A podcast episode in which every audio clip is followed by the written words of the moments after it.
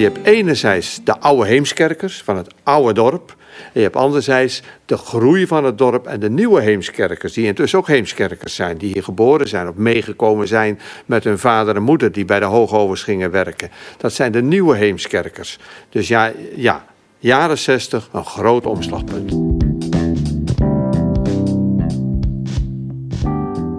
Welkom bij de podcast De Roerige Jaren 60 in de Eimond. Leuk dat je luistert. Mijn naam is Paulien van Vliet van Stichting Kist. Samen met Stijn Gabeler maak ik deze podcast. Deze aflevering staat Heemskerk in de jaren 60 centraal.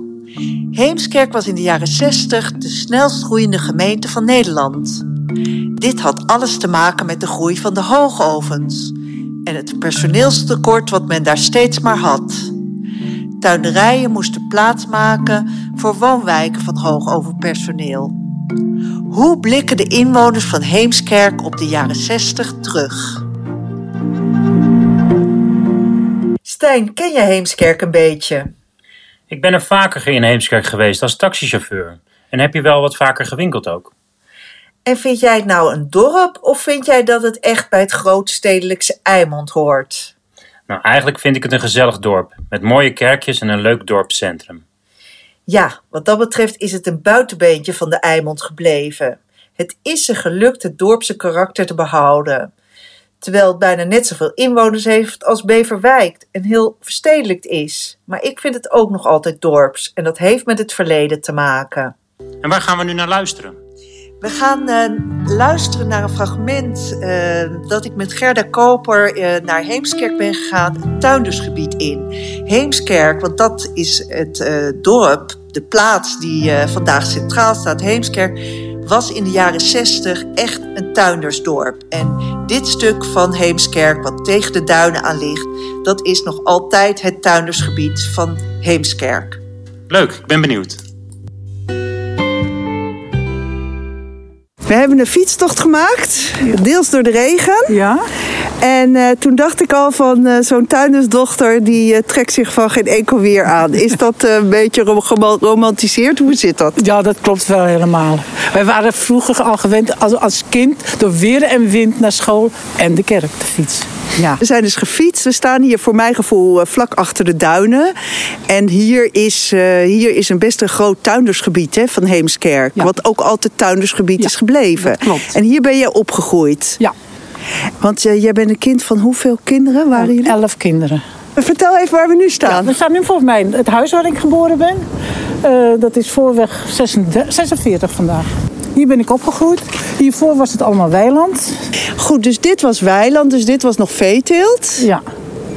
En nu zijn het ook bollen enzovoort uh, geworden. Een tuinderij. Ja, maar we zien ook de uh, hoogovens, ja, hè? Zie je. Kan jij nog herinneren dat dat er niet was? Dat, nou ja, dat is, in de verte zag je altijd wel iets, maar dit is gewoon heel dichtbij gekomen. Wat ja. zie je? Pijpen en rook en uh, ja, gebouwen. Ja, en werd daar thuis wel eens over gesproken? Van, zouden ze nog verder oprukken? Nou, eigenlijk niet. Het enige wat je deed, altijd de lijnen schoonmaken, omdat het roetdeeltjes uh, erop zaten. Dat...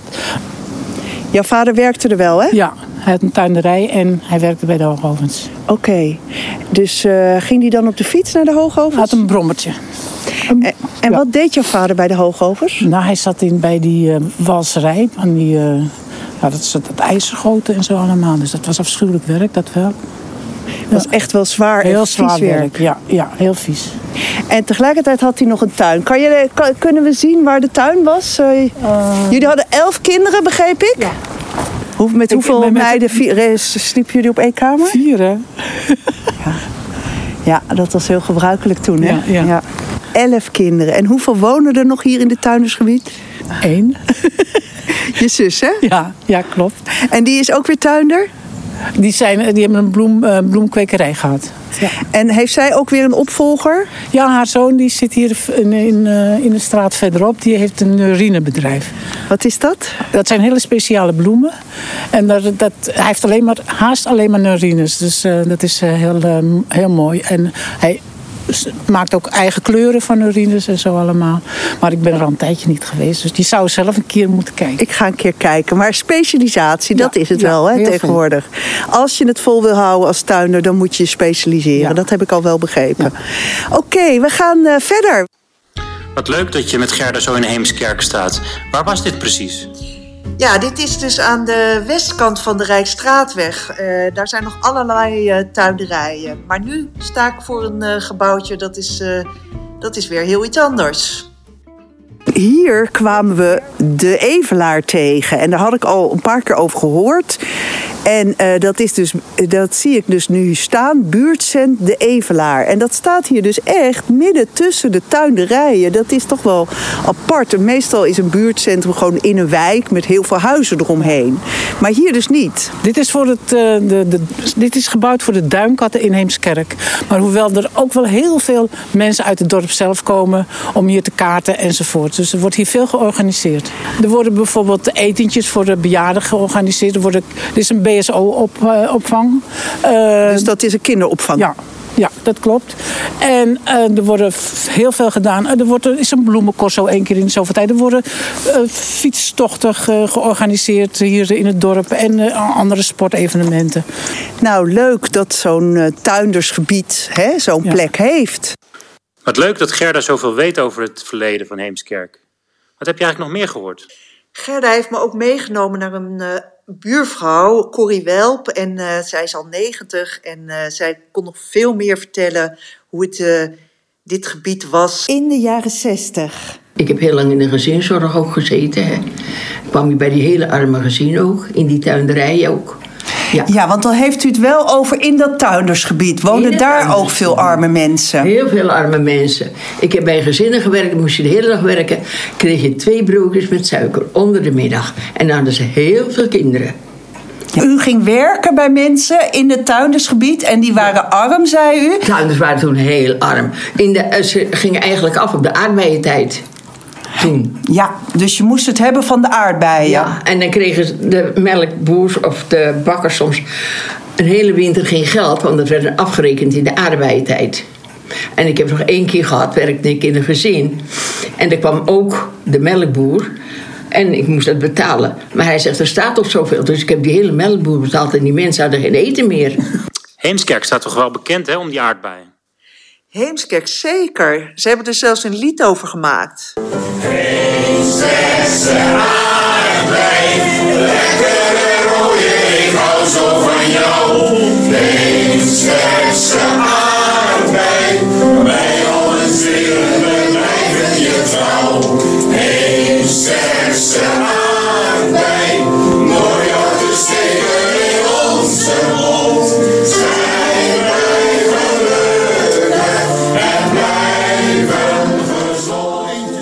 Corrie Welp vertelt verder over de jaren zestig. Op Heemskerk en Duin hadden ze geen waterleiding of niks. Moesten we de aardappels koken in regenwater. En door een, vergiet, door een eh, theedoek gieten. En er zaten allemaal wurmpjes in. Hè? Dus die had je gevangen natuurlijk. En dan moest je de piepers koken.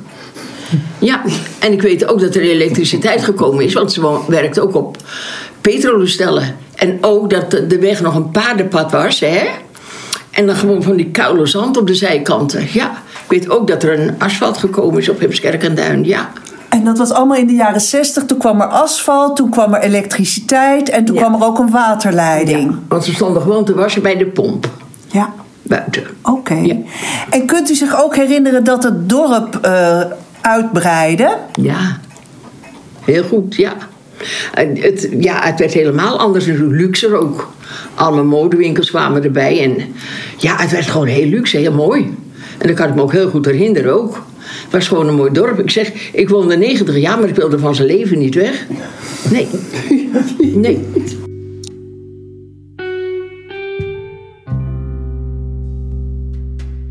We praten hier natuurlijk over de jaren 60, maar wat valt je nou op over die tijd? Nou, wat je haar hoort zeggen is dat het in de jaren zestig duidelijk beter werd. En toen werd de invloed van de hoogovens heel groot in, op Heemskerk. Er werd enorm bijgebouwd voor eh, werknemers van de hoogovens. En eh, mensen die eh, verdienden daar ook relatief goed. Dus ook die armoede die, die verdween. Laten we even luisteren hoe de hoogovens dat aanpakten. Uit de documentaire Zicht op Water van Paulien van Vliet en Marieke Brodenburg.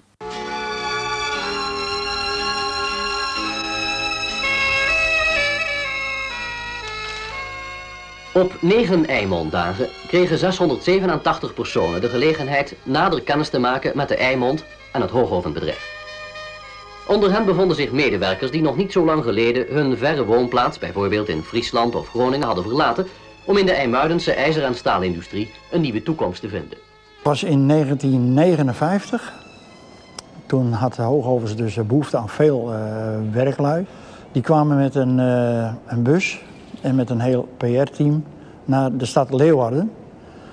En daar werden de mensen dus uh, geïnformeerd en besproken van uh, gevraagd werden om bij Hoogovens te komen werken. Hun familie en vrienden konden zich door het bezoek voorbereiden op hun toekomstige verhuizing naar het westen of zich een idee vormen van de situatie bij Hoogovens. We waren met z'n negenen als kinderen. Het is een groot gezin, waarvan al uh, twee broers uit huis waren. De rest ging mee. Wij gingen dus over de Afsluitdijk met het hele gezin. En ja, ik op mijn leeftijd, allemaal vriendjes en school. En ja, dat moest ik allemaal achterlaten. En wij gingen dus verhuizen naar Holland. Want zo noemden mijn ouders dat. Hoogovens van toen, dat is Tata van nu natuurlijk. Maar wie was die man? Je hoorde Jaap. En Jaap Minkes, dat is mijn buurman. En uh, hij, hij en zijn ouders, dat was echt zo'n gezin dat vanuit Friesland naar Heemskerk werd verplaatst. Wat had de komst van al die nieuwkomers eigenlijk voor effect op al die tuinders? Nou, heel veel tuinders moesten hun tuin opgeven. Die hebben hun tuin verkocht aan de gemeente, zodat er woningen konden komen. En er waren dus ook tuinders die zelf ook liever bij de hoogovers gingen werken, omdat je daar uh, beter verdiende en uh, niet altijd hoefde te werken, wat, wat meer zekerheid. Maar er waren ook tuinders die dat absoluut niet wilden en gewoon tuinder wilden blijven. Loek Rapendaal woont nu op een flat in Heemskerk, maar is zoon van een tuinder. En hij vertelt over de invloed van de hoogovens en hoe zijn vader er niet aan moest denken om ook bij de hoogovens te gaan werken. Mijn vader was uiteindelijk begonnen als bloembollenkweker. Toen viel dat helemaal weg vanwege de Tweede Wereldoorlog. En toen begonnen ze wel zachtjes op te komen allemaal. En toen in 1960, toen kwam ik, werden wij de eerste rolkas in Eemskerk. En toen begon de bloemencultuur even op te komen. Want de mensen kochten allemaal, waren in staat om een bosje bloemen te kopen. En uh, toen veranderde de boel. Toen kwam er iets meer welvaart. Toen kwam er welvaart, ja, toen kwam er welvaart. En net voor die welvaart ben ik er eigenlijk uitgestapt, want ik ben tot mijn 23ste in de tuinderij gebleven. En, uh, maar ja, dat was toen de tijd allemaal heel erg matig, karig, ook financieel moeilijk. Dus uh, je zag andere mensen naar de Hoogovens, naar de Leerleem trekken. En die hadden het eigenlijk allemaal veel, veel beter als die, de meeste tuinders in Eemskerk. Ja, dat was hard werken, hè? Voor die tuinders. Uh, dat, was, uh, dat was, ja, dat was van s morgens vijven. Ja, ik gelukkig niet, want ik ben gelukkig enigskind. dus ik, dat profiteerde ik wel van natuurlijk. En dus ik kreeg altijd een streepje voor. En, uh, maar mijn vader die was van vijven tot, tot, tot, achter tot altijd toch wel bezig. Ja, in die tijd. Ja. Ja, en dan uh, toch niet heel veel verdienen. En uh, nee, nee, nee hoor, dat was. Uh, nee, wij zijn in 62 getrouwd. En wij kregen toen meteen een, een gijzer en een stofzuiger. Want zijn en, moeder had niks. Maar dat, dat, dat, toen, kreeg, toen kreeg mijn moeder ook een stofzuiger en een gijzer. En eindelijk. Maar voor die tijd had je helemaal niks hoor. Nee, was dat allemaal heel karig. Ja. ja. ja. En had het nou meer status om een tuin te hebben of meer status om bij de hoogovens te werken? Nou, toen, toen, toen was het uh, ja, via mijn vader niet. Mijn vader voor geen prijs ging hij naar de hoogovens. Al was hij nog zo, uh, ging het nog zo slecht. Hij ging niet naar hij, Dat was toch wel een, uh, ja, toch wel een tuinder. Toch een wolkweker. Weet je trouwens, Stijn, Joep Boelaar, die we net hoorden, die is zelf muzikant geworden. Oh, dat is wel heel leuk. Daar wil ik wel meer van horen eigenlijk dan.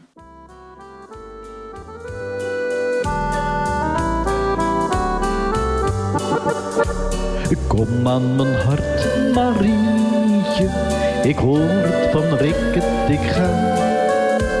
schat van een vrouw, ik bied je mij en mijn spaarboekje aan. Kom aan mijn hart, Marietje, kindje, ik vind je zo mooi. Zelfs mijn kanariepietje roept om jou in zijn kooi.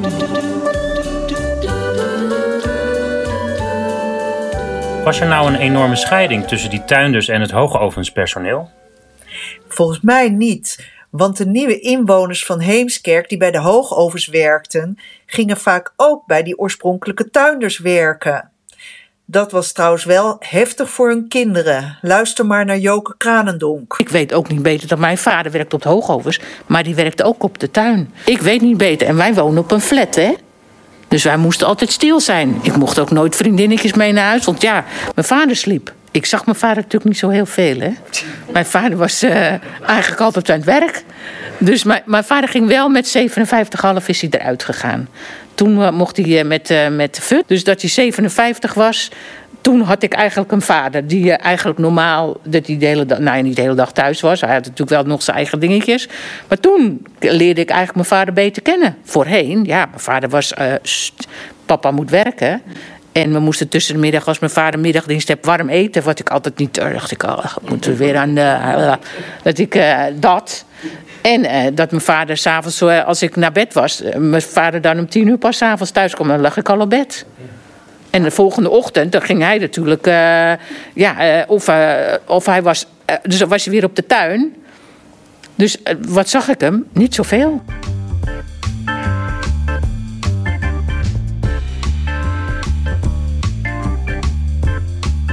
We kijken nu naar twee plaatjes op een papier van Heemskerk. Ja, en je ziet er enorme verschillen. Hè? Je ziet begin jaren 50 zie je Heemskerk. Dat is eigenlijk alleen maar tuinderijen. Ze hadden wel 350 tuinderijen en een heel kleine dorpskern. En op het andere plaatje zie je alleen maar woonwijken.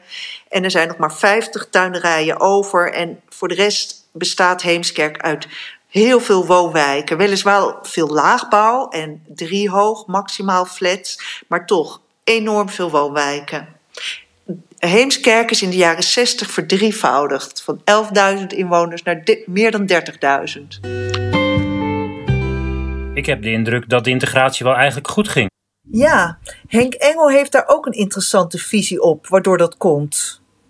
Ik ben in 1974 in het buurtclubhuiswerk gaan werken hier in Heemskerk.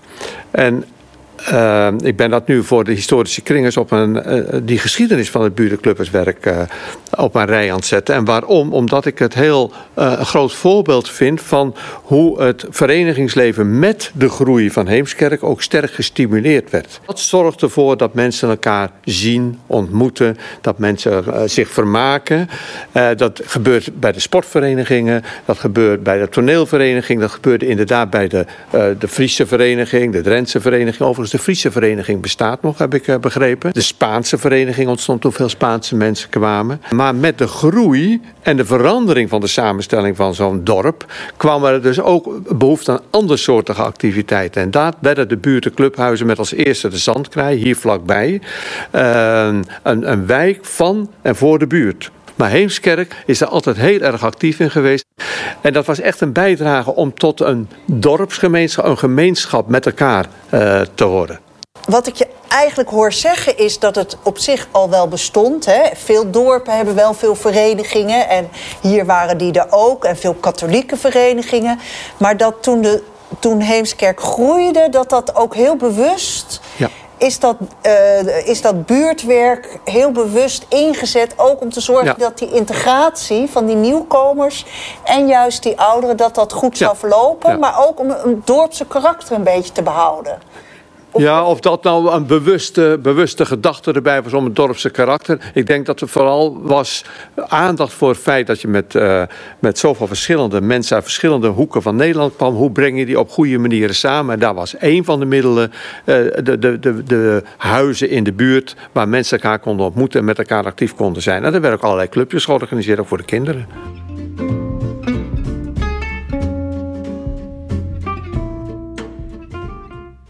We zien dat in de eind jaren 60 Heemskerk toch aardig tegen Beverwijk aan het groeien is. Hè? Zeker. Het, uh, het groeide helemaal tegen elkaar aan. En in 1970 vond de regering in uh, Den Haag dat het dan ook maar één uh, gemeente moest worden. Dat er één Eimond gemeente moest worden. Nou, toen waren de Heemskerkers ineens koppige ezels die daar echt helemaal niets van wilden weten. Leo Tilmans vertelt. Eind jaren 60, begin jaren 70 kwam het verhaal van Beverwijk, Velsen en Heemskerk samenvoegen. En toen werden de ouderen werden toch ook wel uh, opstandig, hè? Met, met respect gesproken. Hè? Want die kwamen voor hun gemeente op en die zeiden van... Uh, ho eventjes, uh, Heemskerk was een, een, flinke gemeente, ruim 30.000 mensen. En wij willen zelfstandig blijven. Dat, uh, dat ze zelfs op een gegeven moment een melkbus op het plein hadden neergezet. En dat alle ouderen hun stemkaart in kwamen leveren. Omdat ze weigerden te stemmen voor de Tweede Kamerverkiezingen. Omdat het landelijk beleid was? Landelijk het... beleid, ja. De, de regering in Den Haag kwam met het idee om de minister... om, uh, om er één gemeente van te maken. één grote Eimond gemeente. En dat, uh, ja, en dat, dat werd in, niet gepikt? Nee. Er zijn hier groot, in de sport al grote manifestaties geweest. Je kreeg toen heel veel mensen... Uh, op de been? Op de been, ja. Mevrouw Niele, een wat chique dame, vertelt dat ze ook ging demonstreren. Toen ik hier kwam wonen, en toen, uh, ja, toen vond ik het eigenlijk een goed dorp. En ik, in Krommenie die hadden we ook een eigen burgemeester. dat was belangrijk. Voor als kind vond ik dat belangrijk. En daarom dat we met z'n allen naar Den Haag gegaan zijn. Met dat kleine burgemeestertje ook mee. Met z'n allen naar Den Haag. Om die fusie tegen te gaan. Ik weet niet of u erbij was. Maar we waren met een hele groep mensen. Ja, want de kleine burgemeester die dacht... Hele, hele rel daar in, in Den Haag. Nou, we hebben het wel vrijgehouden. Okay. Ja, ik wil een, een, ergens wonen met een eigen burgemeester. Ja. Dus, nou ja, Wat leuk. Dus u bent meegeweest, dus u was, ja. ook, u was ook opstandig. Ja, meteen heen. Ja, want de, de, de Beverwijkers en de Heemskerkers hebben... Er zit een ander soort cultuur in, ik weet niet. Het ligt elkaar. Tenminste, mij ligt het niet nee, zo. Maar wat is dat dan? Ja, nou ja, zoals wij een bloeiend ge verenigingsleven hebben, is niet in Beverwijk. Als... En heeft dat ook wel met het dorpse van Heemskerk te maken ja, tegenover het Waarschijnlijk. Stadse... Kijk, als je hier in het dorp loopt en iedereen groet mij, maar dan neemt in Beverwijk... Nou, lopen ze tegen je op, zeggen ze nog niks hoor. Wat ik er interessant aan vind, dat, dat u ook mee bent geweest... dat inderdaad die tradi eigenlijk hele traditionele dorpse mensen... Ja. Die, werden, die gingen toch op een bepaalde manier mee met de nieuwe tijd. Namelijk de tijd dat je je, je stem liet horen, dat je ging organiseren... dat je de samenleving, dat je denkt van wij, hebben, uh, wij, wij mogen kritisch zijn. Het is toch een beetje burgerlijk ongehoorzaamheid... Het waren mensen die, die gewend waren om tegen een dokter en een burgemeester u te zeggen. En toch ook een beetje opkeken daartegen. En tegen notaris, uh, tegen de mensen die wat meer gestudeerd hadden. En niet zo snel hun eigen mening naar voren brachten daarin. En die, die kwamen nu in opstand. En uh, de heren die, die leverden hun stropdas in. En uh, de ezel heeft op het uh, binnenhof gestaan met de stropdassen. En ja... En die bus dus? Die bus, ja. Ja, ik denk dat uh, dat dorpse karakter, dat dat een kenmerk is van uh, Heemskerk en ook voor de Heemskerkers. En dat dat in die discussie over samenvoeging zeiden ze nee, wij willen ons dorp Heemskerk behouden. Ik was er zelf niet bij, ik woonde toen nog niet in Heemskerk. Ik ben ook zo'n nieuwkomer van in de jaren zeventig. Maar dat is wel wat ik uit heel veel verhalen hoor. En uh, dat, dat voeg je niet samen. Dus het dorp Heemskerk moet het dorp Heemskerk blijven. En dat is grappig dat je dat nu nog hoort. Ook al is het intussen aardig verstedelijk, mag je zeggen, zo samen met Beverwijk.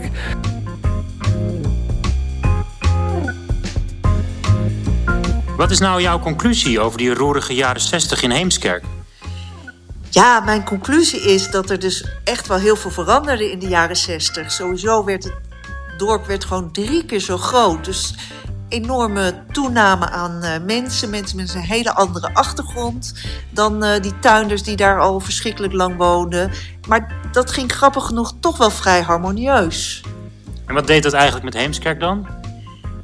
Nou, met Heemskerk uh, ging het dus, bleef het eigenlijk wel goed gaan. Totdat de overheid bedacht dat Heemskerk dan ook wel, nu ze toch zo groot was, samen kon gaan met Beverwijk en één Eimondgemeente kon worden. En toen zag je dat, uh, dat de jaren 60 mentaliteit van in opstand komen, uh, actie gaan voeren, dat kwam nu ook boven bij de Heemskerkers. Want dat wilden ze echt absoluut niet. En dat vind ik wel heel uh, leuk om dat uh, te zien.